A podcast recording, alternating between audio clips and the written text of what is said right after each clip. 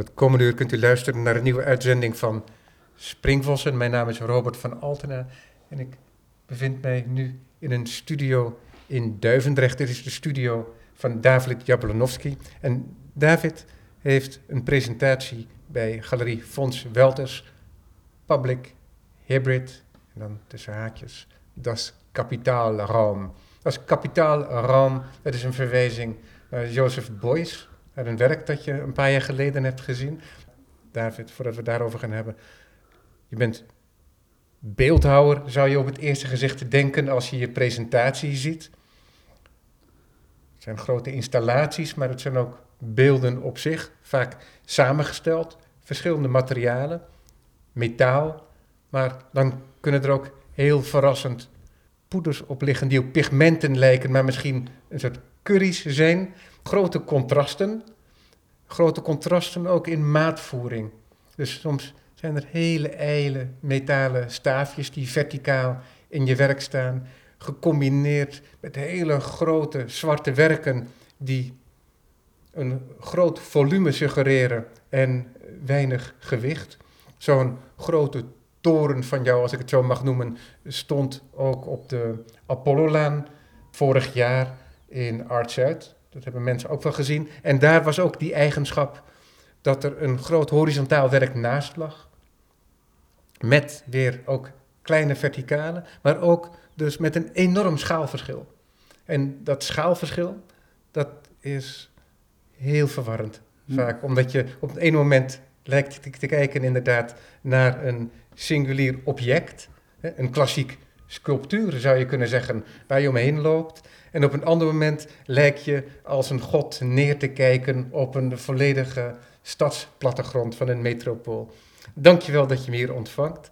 Op tafel liggen er hier wat boeken met werk van jouw publicaties, maar ook wat ruwe objecten. Ik heb hier een cirkelvormig, wat gehavend kunststof ding waar je uh, nog een soort draaiing in ziet uh, verlopen. Dit weet ik niet wat het is. Wat is dit voor een ding? Het is polijstpasta. Polijstpasta. Een prachtig lichtgewicht zadel, wat onder, onder van, een, van een sportfiets en een stuk metaal. Brons inderdaad, of Brons. messing, ja. ja. 3D gevreesd. Dus uh, computer gevreesd. Ja, om ons heen liggen er tafels met uh, geschraagde planken.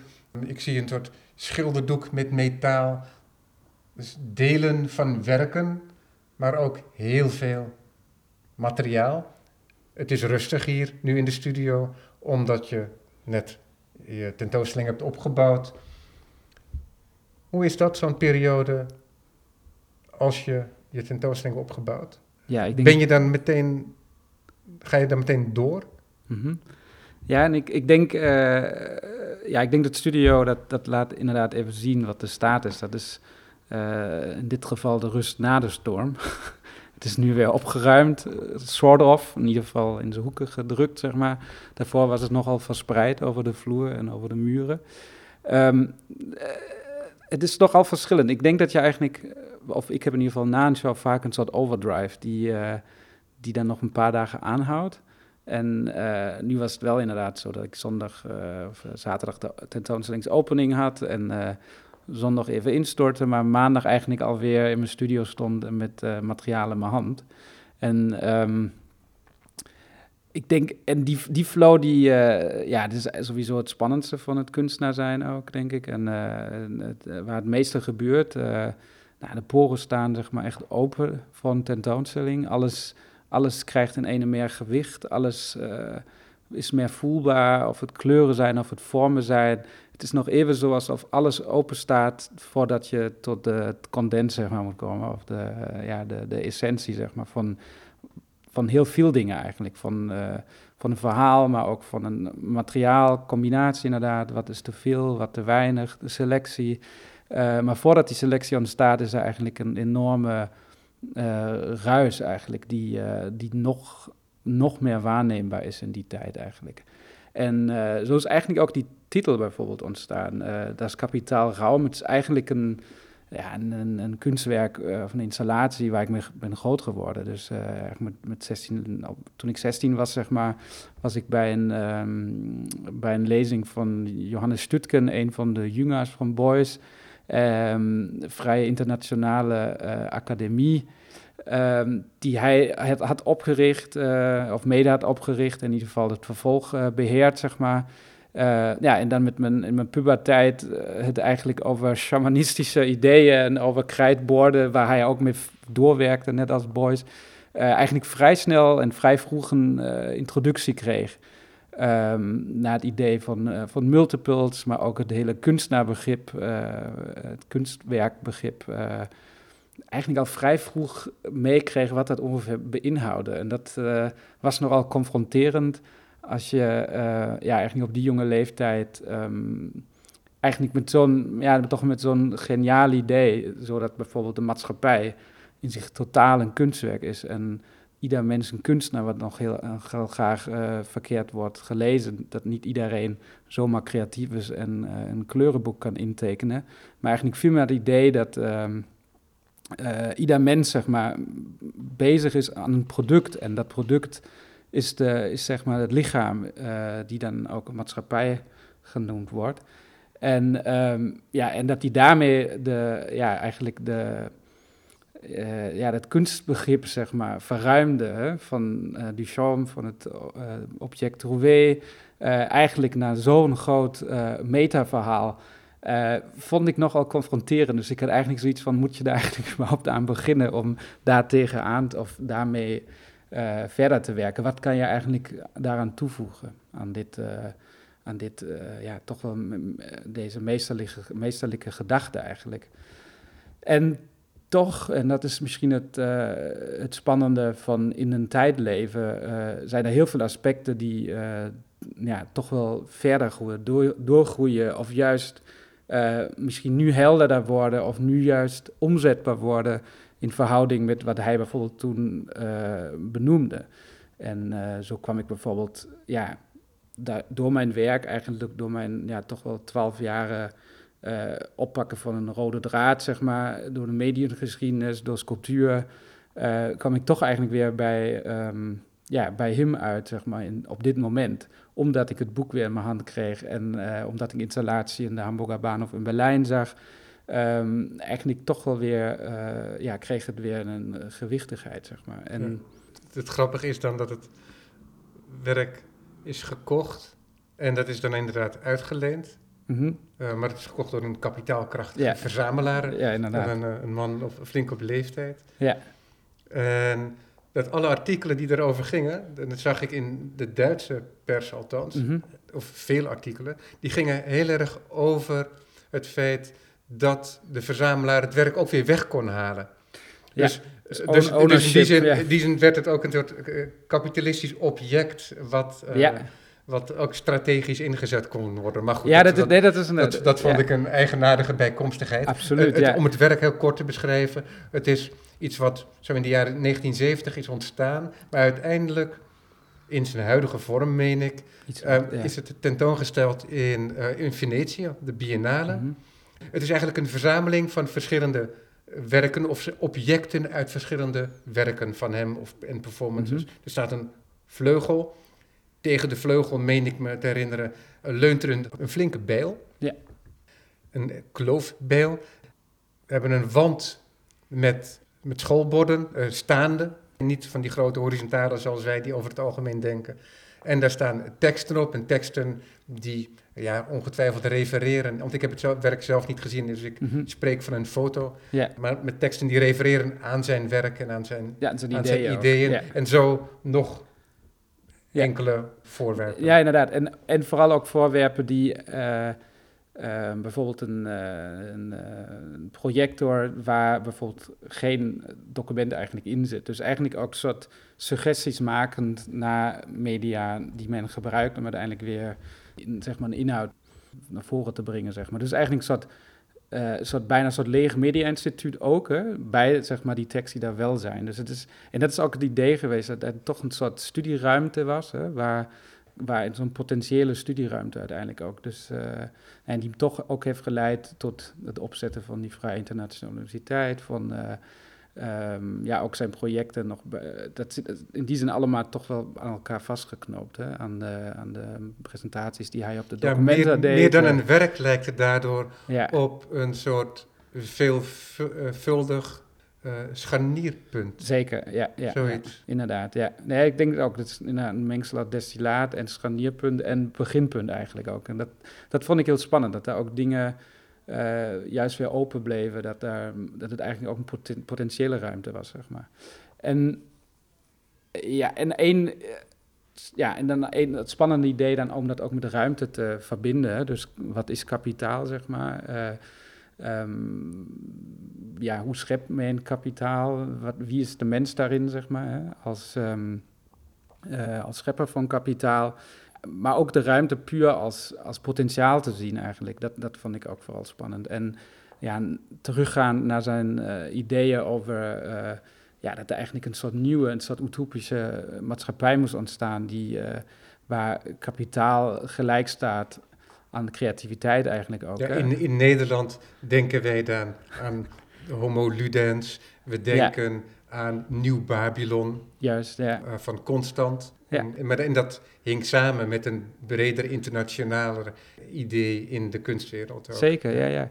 Nee, en, eh, sowieso het, uh, het idee van utopia zit er natuurlijk ook in. En misschien uh, hij nog minder daarin geloven dat het een utopia is. Hè. Ik denk als men en toch zijn ambities zag, die ook naar de politiek gingen, dus ook daadwerkelijk iets te veranderen, um, ja, komt er nogal overtuigend over, zeg maar. En, uh, maar ja, ik denk als kunstenaar ben je toch wel ook bezig om zo'n soort utopie op te bouwen. En uh, of die uiteindelijk werkt, of die, het gaat ook niet over waarheid, of die uiteindelijk een, een, complete waarheid uitspreekt. Daar heb je zeg maar de potentiaal van de kunst, dat die eigenlijk ook puur een, uh, tot, aan, tot nadenken kan aanzetten, zeg maar. En, en dan, maar daar gebeurt iets in dat werk van Boys, mm -hmm. Dat heel erg aansluit bij ja. vandaag, die vraag hoe je als kunstenaar en werk kunt maken, ja. dat zichzelf is, en tegelijkertijd, laten we zeggen, een kritisch standpunt in kunt nemen middels dat werk ten opzichte van nou ja, de maatschappij of, zeker, of, zeker. of, de politiek. Ja, ja. Nee, is dat, dat, iets waar je heel erg mee ja, bezig bent Ja, zelf? nee, dat is het zelf, dat is het zeker. Dat is ook bijvoorbeeld, uh, en daarop kom ik eigenlijk dan terug, eigenlijk dat idee van uh, ieder mens een kunstenaar en de maatschappij als, uh, ja, eigenlijk als objecten, die, ja, waar zeg maar energieën zich transformeren en ik kwam eigenlijk, dat was eigenlijk ook de vertrekpunt van het begin af waarom ik eigenlijk weer daarop terug was. Was eigenlijk het idee van, uh, ik zeg maar, social media, deeleconomieën waarmee je het hedendaags over hebt. Dus eigenlijk een paar aspecten waar wij nu mee geconfronteerd zijn. Uh, maar je hebt het ook over micropayments, je hebt het over ja, sowieso de hele ja, kapitalisering van het internet. Ja, want mag ik je even onderbreken? Ja. Want als je zegt ieder mens een kunstenaar, dan was het oorspronkelijk, denk ik, het idee bij iemand als Constant, mm -hmm. dat was een ontpolitiseerde wereld. Mm -hmm, mm -hmm. Een soort Garden of Eden. Juist, juist, juist, ja. Dat verdraaide al en hij heeft ook de dystopie uiteindelijk Zeker. vormgegeven. Ja. De dreiging die uh, ja. daar uh, nou, ik denk, mee samenhing. Zeker zo. En ik bedoel dat clanachtige wat Boys natuurlijk ook had. Hè? En dat leiderschapachtige en ja, een aspect die ook wel uh, vaak niet wordt genoemd. Ook dat hij natuurlijk ook in de nazi-tijd niet de allerminste rol speelde. In ieder geval uh, in, uh, in het begin, in zijn jeugd, zeg maar.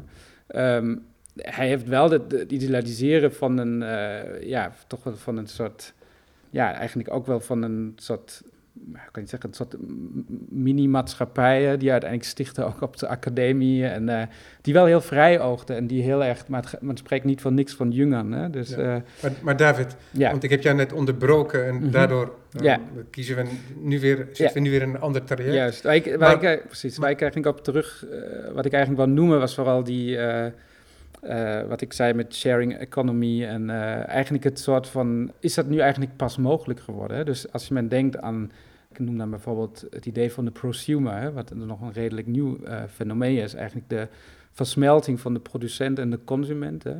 En uh, nou, als een makkelijk voorbeeld zou men denken aan een, uh, aan een instructional video voor een, van een nieuwe camera, zeg maar, op YouTube, waar mm, ja, iemand privé, hè, hedendaags heten ze dan ook weer influencers, zeg maar, een camera testen hè, op lichtbestendigheid, op, hè, op van alles of lichtgevoeligheid bedoel ik, van zeg, verschillende uh, manieren test en dat uiteindelijk weer online post. Mensen reageren daarop. En uiteindelijk bedrijven zoals Canon uiteindelijk dat ook bekijkt en dat uiteindelijk in hun productieproces mee inneemt. Dat het bijvoorbeeld handiger formaat moet zijn of een, uh, die van andere kleur. Of dat die, ja. Dus in die zin, uh, die feedback zeg maar, veel sneller kan hè, door, door het internet, door uh, ja, eigenlijk de digitale communicatie, door sensoren. En dat was eigenlijk die vraag die ik dan had. Is het misschien niet nu pas, zeg maar, de, ik zeg maar over de even de natte droom van Boys, komt die nu eigenlijk uh, tot zijn recht? Of uh, is het nu juist het begin van het einde? Of is het de, de ja, het doemscenario daarvan eigenlijk ook, hè? wat nu ja. eigenlijk intreedt, ja. van geen controle... Um, over eigenlijk al deze technieken. Die eigenlijk uiteindelijk nog bedacht zijn als grote verbinder, als globale verbinders. Hè. Het internet, daar refereer ik toch wel graag aan uh, Doc Engelbart bijvoorbeeld. Uh, dat, dat in die zin totale utopisten waren eerst maar toen zij ja. begonnen met het... Uh, en, als, en als ik dit afbuig... Oh, Vincent, Vincent Cerf bijvoorbeeld ook. Hè, die, richting, richting jouw eigen werk. Ja. En de titel dan, mm -hmm. Public Hybrid moet ik dat dan ook heel direct zo lezen met betrekking tot de statuur bijvoorbeeld van het kunstobject, mm -hmm. dat het inderdaad een handelsobject is mm -hmm. en tegelijkertijd het autonome kunstwerk. Mm -hmm. Denk je in die termen dan? Ja, uh, misschien nog minder aan het object in zijn, in zijn circulaire uh, vorm, zeg maar. Ik, het, is, het gaat eigenlijk vooral vanuit, zeg maar, dat, nou, dat stond in die, in die tentoon zijn letterlijk dingen die uh, in het openbaar waren, zeg maar. Een paar objecten die waren in het open, die zijn verweerd, die hebben de impact gehad, zeg maar, van de omgeving. Uh, maar ook andere verhalen die ook niet meteen zichtbaar zijn, die uiteindelijk een, ja, toch wel eigenlijk ook weer verwijzen naar, uh, naar het kleine en het grote, zeg maar, nu algemeen. Bijvoorbeeld, ik heb het bijvoorbeeld over die... Um, uh, onder die werken liggen bijvoorbeeld marmerplaten. Ja. En die, uh, die koop ik uiteindelijk van een bedrijf in Rotterdam, die niks anders doet behalve um, oppervlakte scannen. Dus die heeft een grote scanner in zijn studio. Uh, omheen is een woestijn van, van, van materiaal, zeg maar, of een, een, een, een grote opsomming. ja, hij koopt materiaal, legt het neer, scant het. En uiteindelijk heeft hij aan het origineel niks meer. Dus hij verkoopt het aan mij en uiteindelijk verkoopt hij die data als memory stick aan grote tegelfabrieken in India, in Bangladesh, uh, linoleumfabrieken. Dus hij zit eigenlijk vooral in de vliegtuig om of die memory sticks persoonlijk uh, aan een bedrijf te geven, of hij zit op beurzen, waar uiteindelijk een hele ja, infrastructuur ontstaat door een patroon, zeg maar. En uh, en die uiteindelijk overal liggen. Dus precies dat pattern, precies die kleurencombinatie ligt, uh, ik zeg maar op Dubai Airport. Die ligt uh, in privéhuizen, in hotellobby's. En in die zin eigenlijk uh, het materiaal obsoleet maakt. En die data uiteindelijk alleen maar nog belangrijk is. En de toepasbaarheid, zeg maar, globaal ja. kan zijn. En de service. Ja, juist, ja. Nee, en, en dat zijn zo, zo, dat zijn bijvoorbeeld zo zijverhalen die dan het materiaal bijvoorbeeld meebrengt. Als men in die tentoonstelling komt, zou men het nooit weten als er niet inderdaad het ergens staat. Of in ieder geval. En zo zijn het zichtbare en onzichtbare dingen. En dat, dat zijn ook dan ook weer.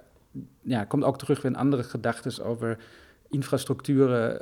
Uh, als men over digitale infrastructuren praat, over, over wifi, over uh, sensoren ook weer. Het zijn allemaal dingen die, die geen fysieke vorm hebben, die, uh, maar die ons de hele tijd omgeven. En die uiteindelijk, ja, en dat is eigenlijk een beetje waar mijn werk ook de laatste jaren altijd weer over ging, zeg maar. Om of die dingen uh, zichtbaar te maken, dat ik ze in kunstwerken letterlijk verwerk. Daar kunnen ook teksten in voorkomen die natuurlijk op het moment dat ze geprint zijn al outdated zijn. En, maar ook dat soort aspecten over bestendigheid, hè, de eeuwigheidswaarde van sculptuur komt in mijn werken terug.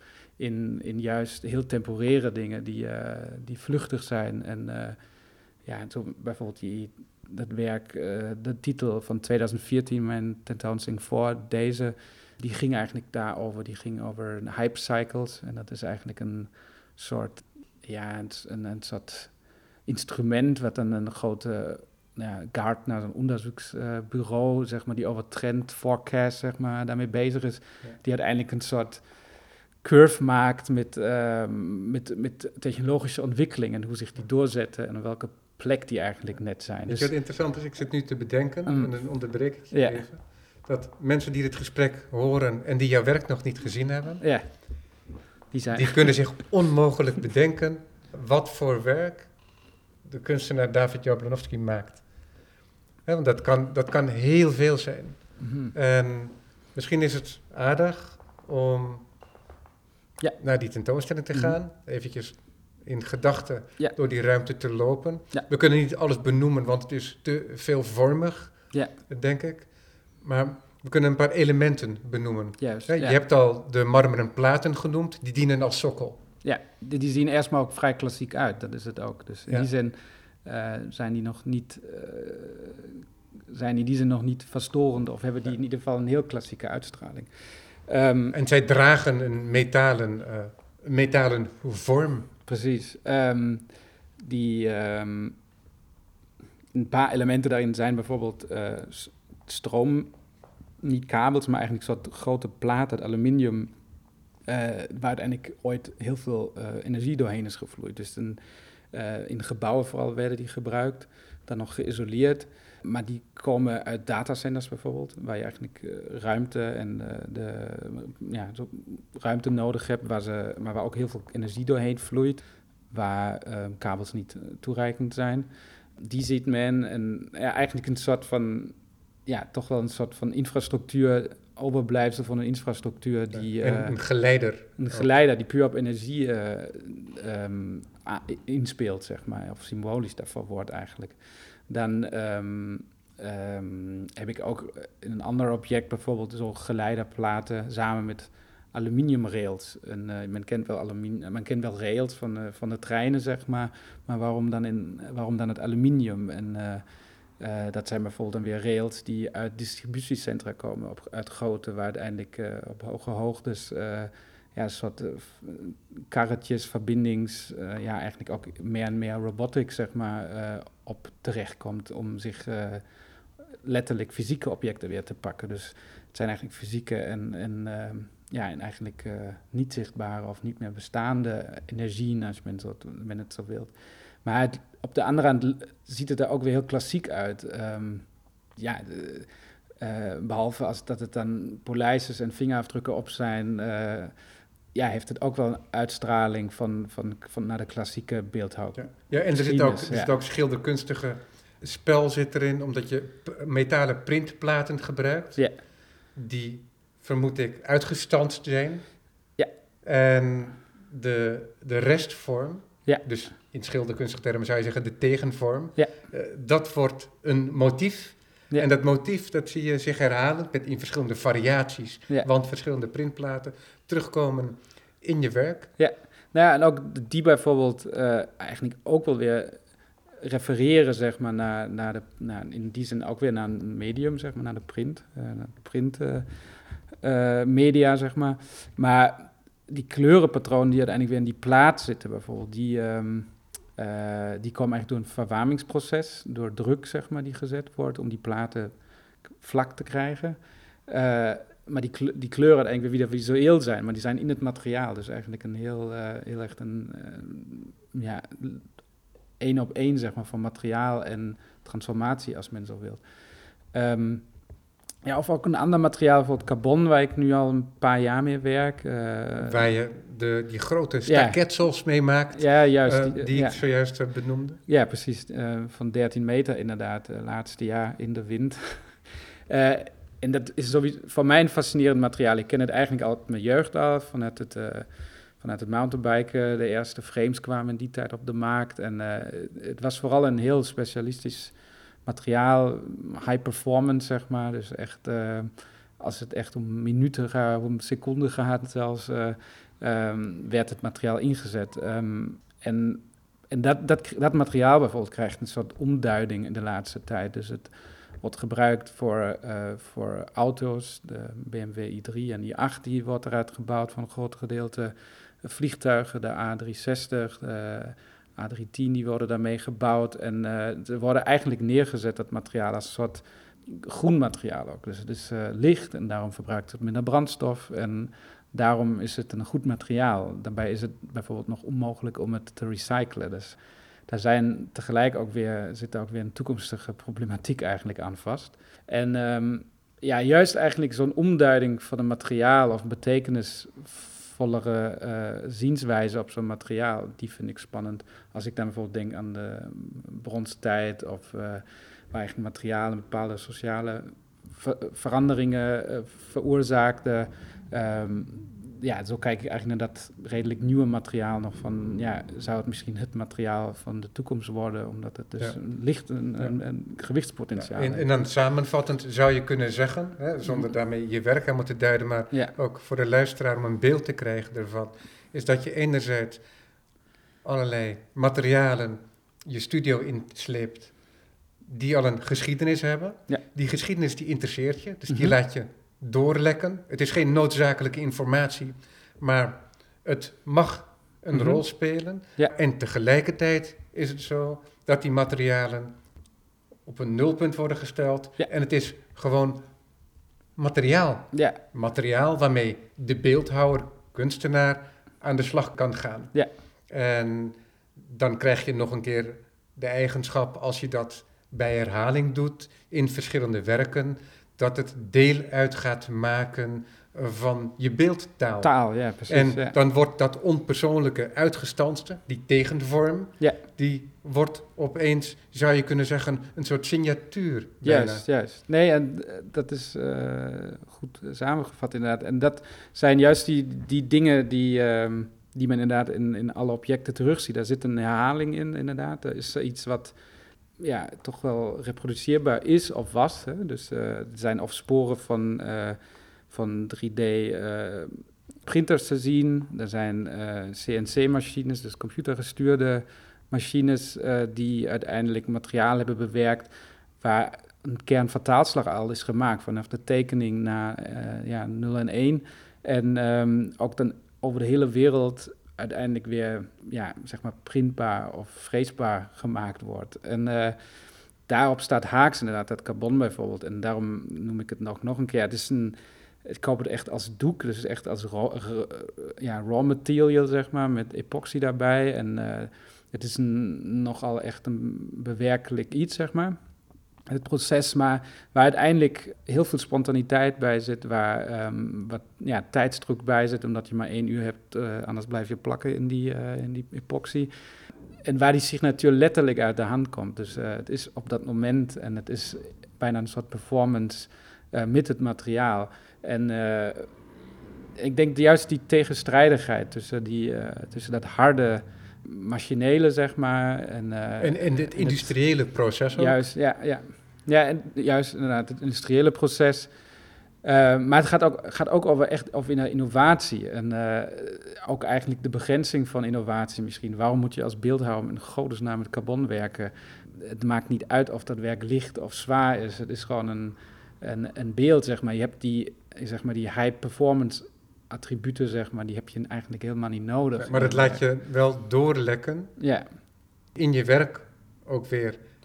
En tegelijkertijd, omdat je het bij herhaling gebruikt, Ja. zoals gezegd, Ja. is dat, dat vreemde patroon, mhm. wat je bijna doet denken aan een soort ehm, gat in de ruimte, zou je Mhm. kunnen zeggen. En dat gat is dan niet een fysiek gat, een soort tegenruimte, Mhm. maar meer een soort digitale ruimte, wordt het, kan, kan je het ook bijna zien. Ja.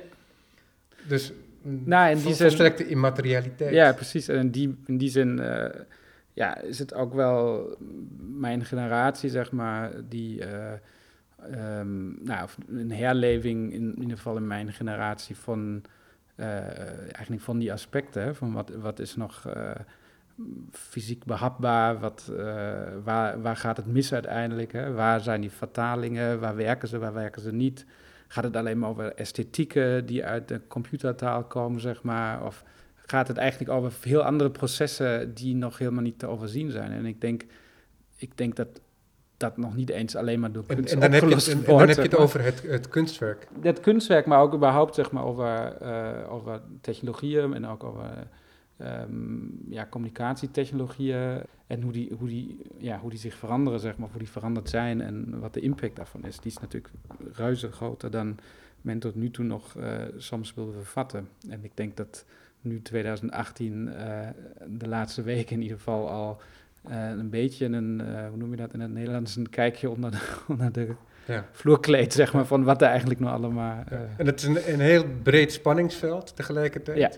Dat je enerzijds het maatschappelijke hebt, ja.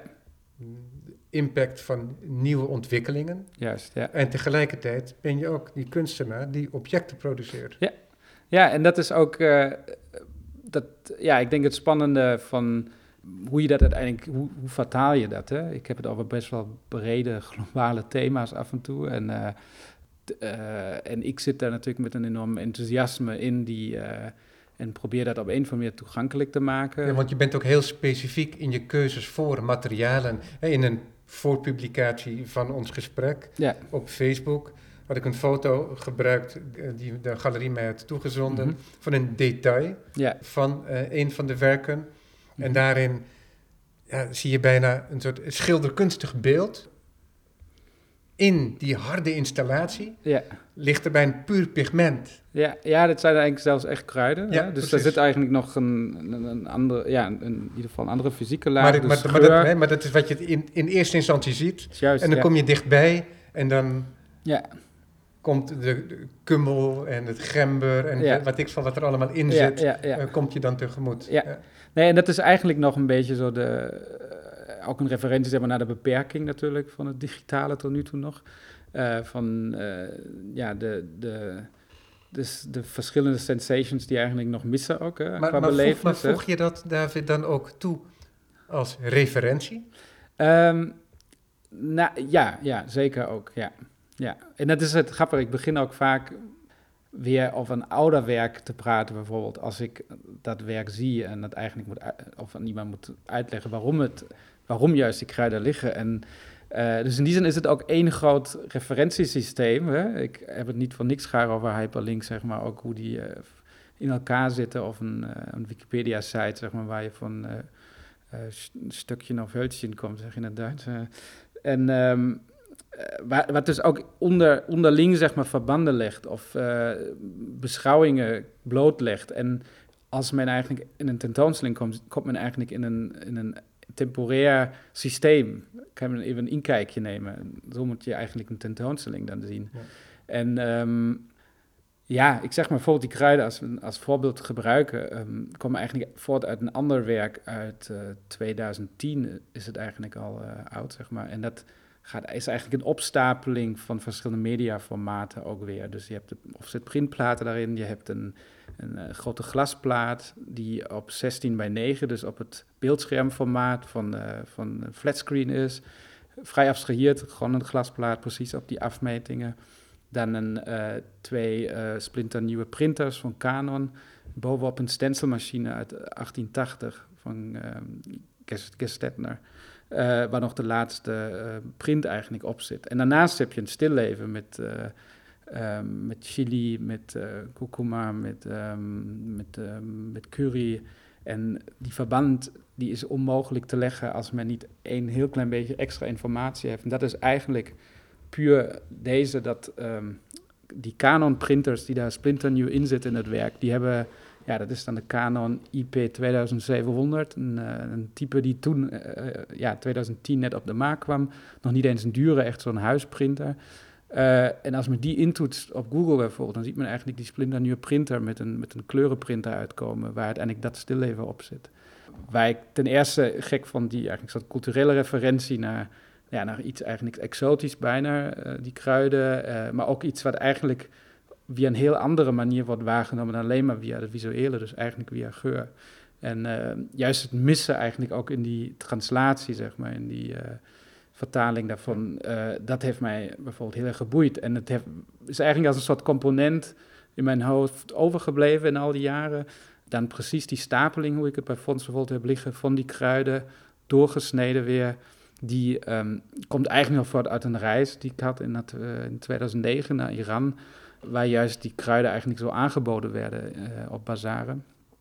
Dus in die zin zijn sommige dingen, ja, hebben ze een lange staat van referentie ook. En moet men die weten als men die in die ruimte komt? Nee, moet men niet. Ik denk dat het eerst nou, toch wel ook echt de, de, de spanning is, de, ja, ook misschien de, een stukje vertovering, de, en en dat is eigenlijk ook mijn idee, überhaupt wat sculptuur eigenlijk is. Een soort, toch wel een soort fysieke meerwaarde scheppen tot een boodschap. En of je daarna nog weer een tekst leest daarover, dat is dan vooral eerst maar aan jou. En, um, maar ik denk wel dat je op een andere manier een, een triggert, zeg maar. En dat vind ik het boeiende uiteindelijk aan sculptuur. Ja, ja want het werk bestaat ook op verschillende manieren. Mm -hmm. Dat je, enerzijds noem je al een aantal keer het belang van de referentie. Mm Referentie binnen je eigen werk, de referentie naar de wereld, mm de omringende wereld. En anderzijds is het ook zo dat je zo'n printer, die plaats je in het werk en die wordt daardoor op een bepaalde manier weer geïsoleerd mm en wordt opgenomen in het werk. Juist. En, ja. daar, en daar vraag je heel veel. Mhm. Hè, want hoe kunnen wij die printer anders denken dan in zijn functie? Ja, ja. En daar ontstaat een soort uh, spanning, waardoor het werk blijft kantelen. Hè? Ja. Het, het, wordt nooit definitief opgenomen. Ja. En het blijft altijd dat, dat praktische object. Ja. En, Wat ook, en, dat, en dat is een ongemakkelijk moment voor de kunstkijker die gewend is inderdaad om, laten we zeggen, een autonoom werk te zien. Mhm. Mhm. Nee, in die zin, eh, wat, precies, het, eigenlijk het, het volledig maken van de interpretatie die uiteindelijk ergens anders plaatsvindt. In dit geval, als je op Google gaat bijvoorbeeld, ehm, die vind ik juist eh, dat, dat moment ook toegevoegde waarde. Dat je eh, nou, eigenlijk de, de, de leesbaarheid eigenlijk pas of een andere leesbaarheid eigenlijk mogelijk maakt. Ja, en ook eh, juist in die, ook zo aspecten dat die, die, die, die chili bijvoorbeeld, die droogt langzaam. Die printer, die neem ik iedere keer mee weer naar tentoonstellingen. En in 2010 was die, zeg maar, esthetisch en praktisch nog op een, op een hoge stand. En is ondertussen alweer outdated. Hè? Ja, want En, dat, is, eh, dat is heel interessant. dat is natuurlijk. natuurlijk aan sculptuur sowieso ik, ik zo. noem, En ik noem altijd ja. het voorbeeld, hè, dan hebben we het over tijd, maar ik noem altijd het voorbeeld van eh, Le Corbusier, die Mhm. een villa bouwt. Mhm. En er is een foto waarbij de auto van Le Corbusier dwars voor de ingang van die villa staat. Ja. Die villa, die is nog helemaal contemporain aan ons. Ja. Die auto, dat is een vreemde sigaarbus Ja, ja. die daar dwars geparkeerd staat. Ja, ik heb een- volledig obsoleet. Ja, nee, ik heb een soort gelijke eh, ervaring inderdaad gehad bij toen ik tentoonstelling in Huis Langhaus Esters in Krefeld van eh, Mies van der Rohe. En eh, toen heb ik er een paar nachten geslapen.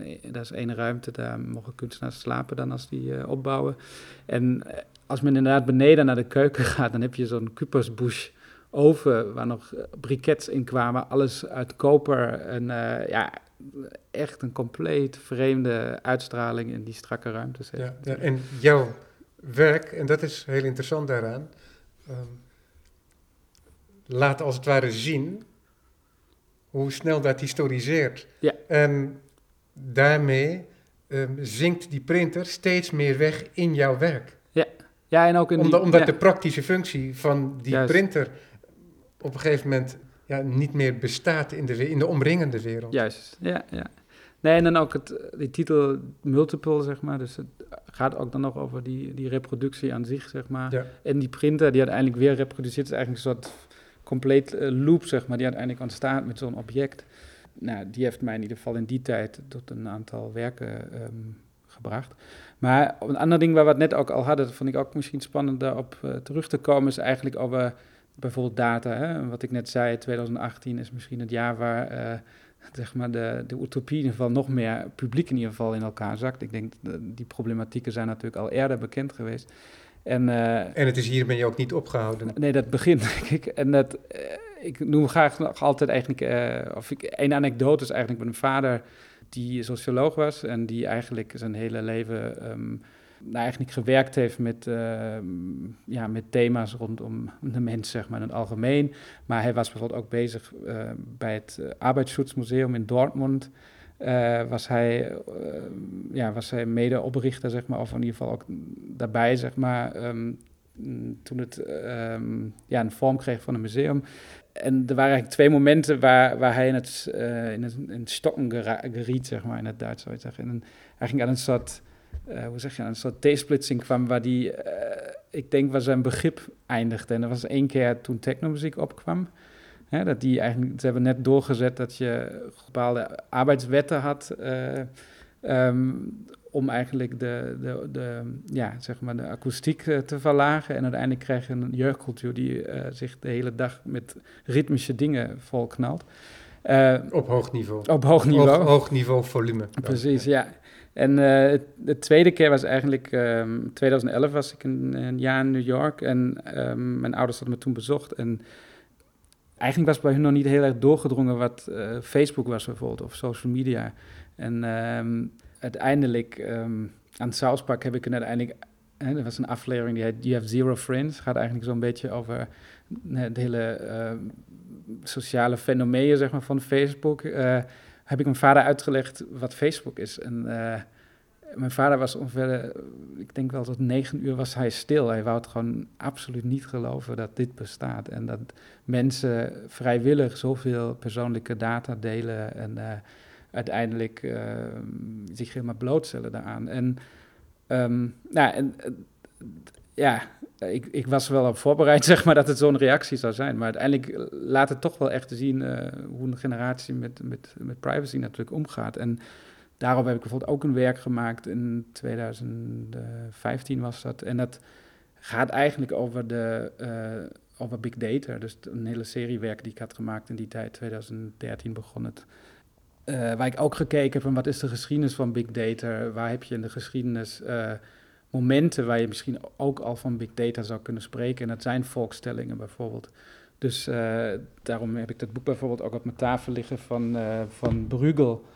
Um, die volkszählung van, van Bethlehem, van Bruegel. Ja. getekend, of geschilderd door de Bruegel de Oudere, waar uiteindelijk zijn zoon uiteindelijk nog... Um, uh, eh, 13 kopieën van gemaakt heeft. Best wel schaamteloos. En die zie je eigenlijk in dit boek terug. Het was een tentoonstelling uh, in het Bonnefante Museum, die ik niet in het echt heb gezien, maar in ieder geval de catalogus heb kunnen verwerven.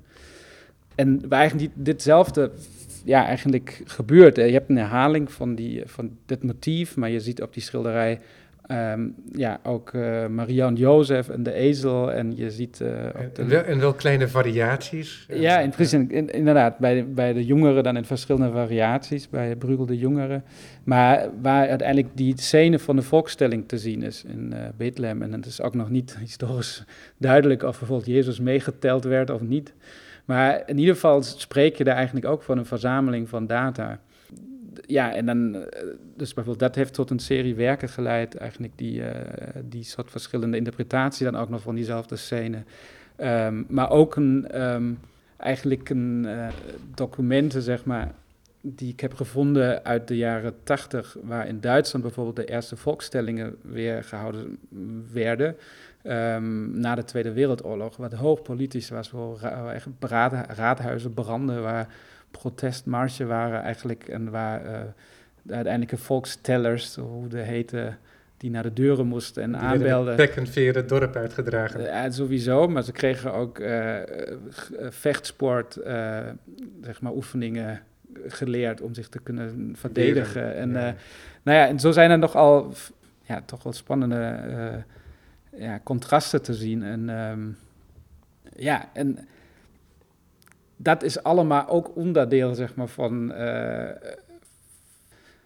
communicatie. Hè? Dus, uh, of misgaan van communicatie, uh, verzamelen van daten, data, zeg maar, die ja, op een andere manier omgemunt wordt, gebruikt wordt.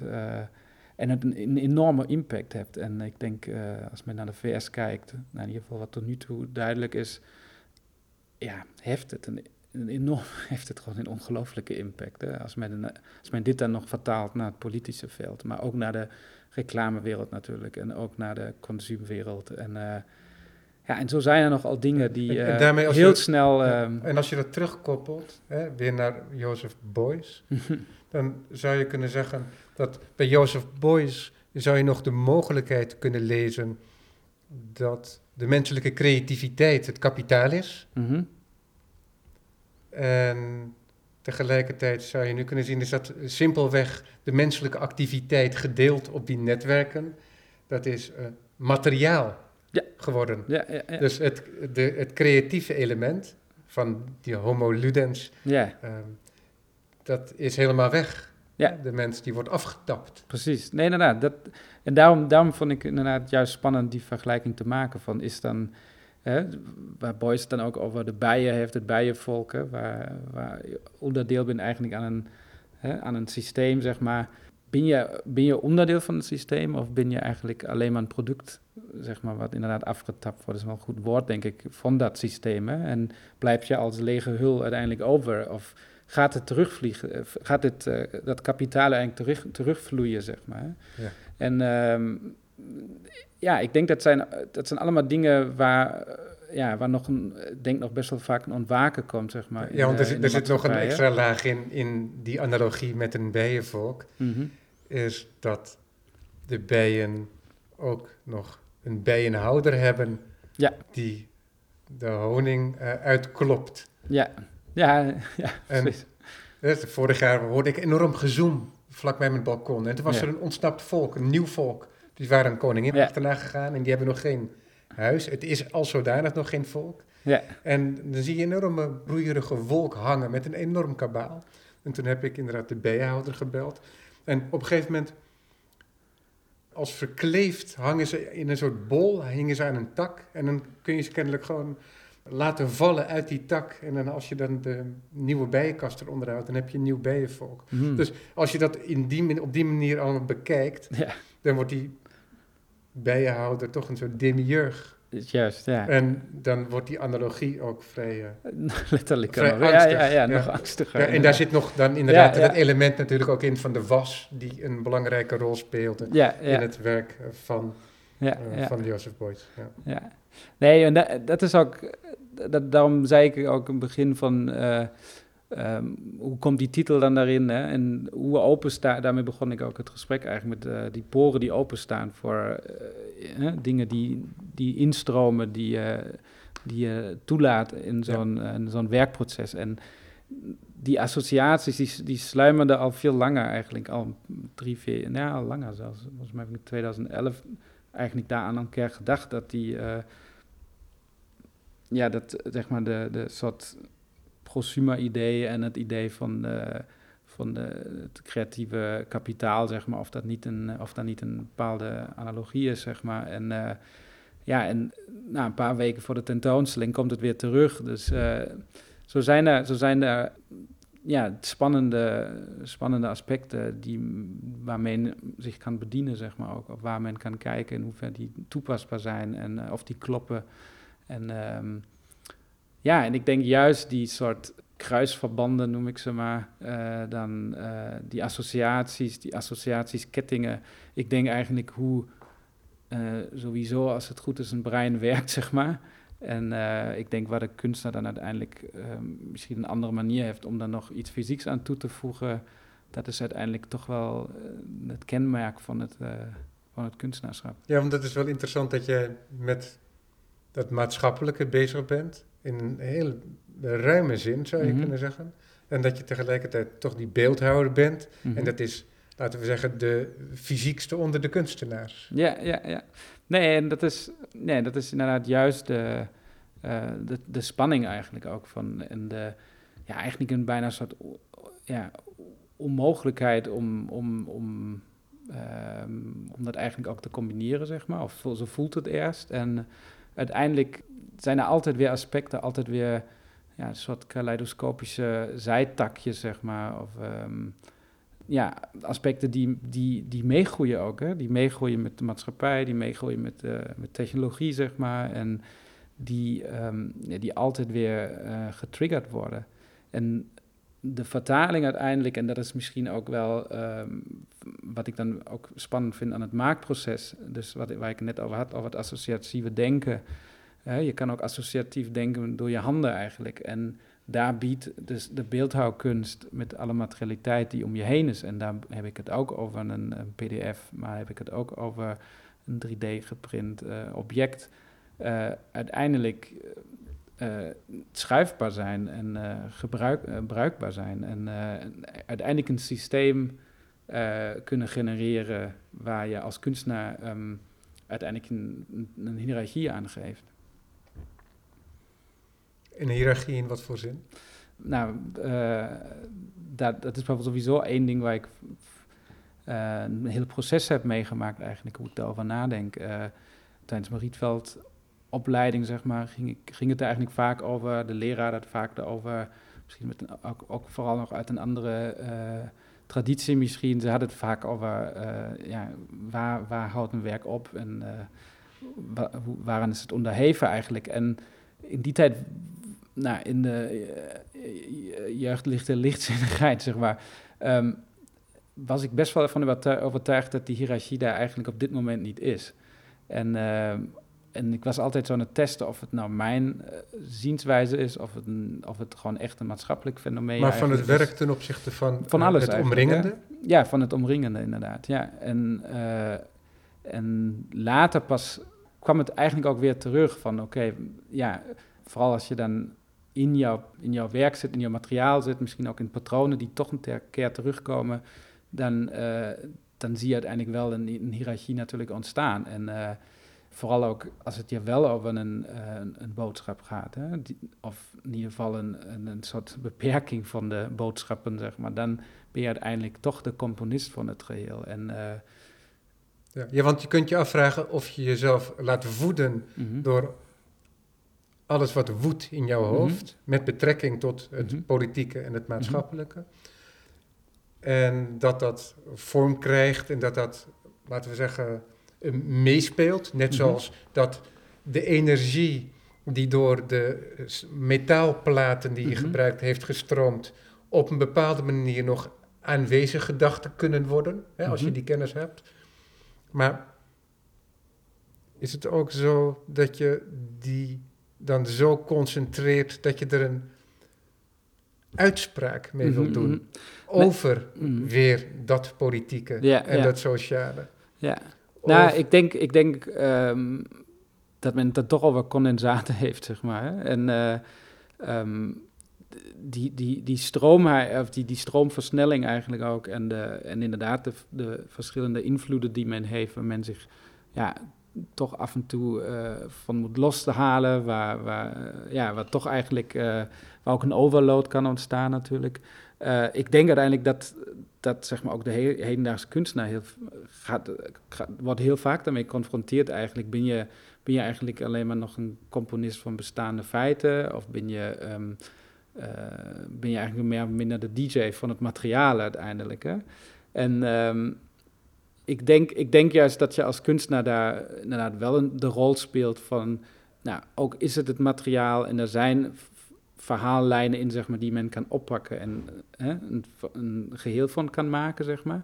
Of wat is de, de noemer, zeg maar, van al die als je op de hoogte Als je op de hoogte bent van, laten we zeggen, de anekdotische referenties die in mhm. het materiaal opgeborgen zitten. Hè, ja. in de keuze van materiaal die jij ja. uh, verzameld hebt. Ja, juist. Bijvoorbeeld in dat geval, uh, ja, inderdaad heel direct dan weer op materiaal. Ja.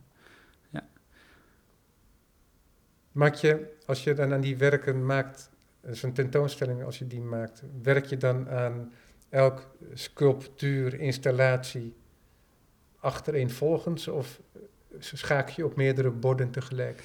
Mm, nou, het zijn vooral inderdaad, uh, ja, series, zeg maar. Of ik, ik denk snel ook in series. Hè, als het, uh, eigenlijk bijna een soort benadrukking van het feit dat het eenmalig is, zeg maar ook. Eh, daarom, dat is, een, eh, ja, dat is ook één motor weer om juist in series te werken. Of zijn er ook heel kleine veranderingen in? Hè? Net als die Brugel bijvoorbeeld, waar je in ieder schilderij als je die vergelijkt, dan toch uh, veranderingen zijn. Dat is een hè? prachtig voorbeeld. Ja, dat dan de vogel toch net een beetje uh, dichter bij het huis is dan op Ik andere eh, schilderij. Op één schilderij in de schoorsteen rook uitspuwen en op de andere was de kachel uit. Ja, precies, juist. Ja, nee, in die zin zijn het zijn het families, zeg maar. Maar ze zijn daar allemaal, ze staan daar allemaal, behalve dat ze nog net geen hoofd hebben of de arm nog mist. Of in die man, op die manier werk ik eigenlijk vooral. En waar ook weer bij het maken vooral natuurlijk ook zijproducten uitkomen, zeg maar. Dus, dan, ehm, ja, en, dus het schakelen van de materialen van, van links naar rechts. En uh, um, ja, levert uiteindelijk ook wel onverwachte dingen op natuurlijk. En die dingen die zoek ik eigenlijk ook meer en meer uh, weer op, zeg maar. Er waren momenten waar, uh, die, ja, bijvoorbeeld 2014 met die werken die vrij hermetisch waren, werden... Um, juist omdat ik daar bepaalde referentiekaders heb gelegd. En juist omdat het zoveel data was, uiteindelijk ook echt soort hoofdlijnen moest aangeven, zeg maar.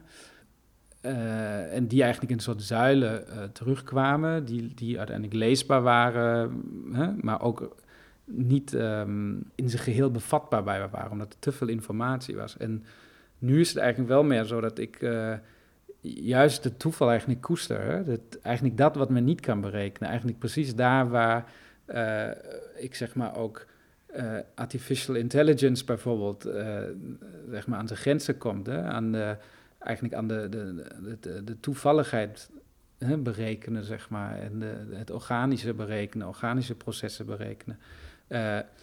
nou, dat, dat vind ik bijvoorbeeld heel boeiend uiteindelijk um, om te onderzoeken. Hè? Wat... Ja David, ik ga je onderbreken, want we moeten dit gesprek afronden omdat het radiouur onverbiddelijk is. Het houdt op.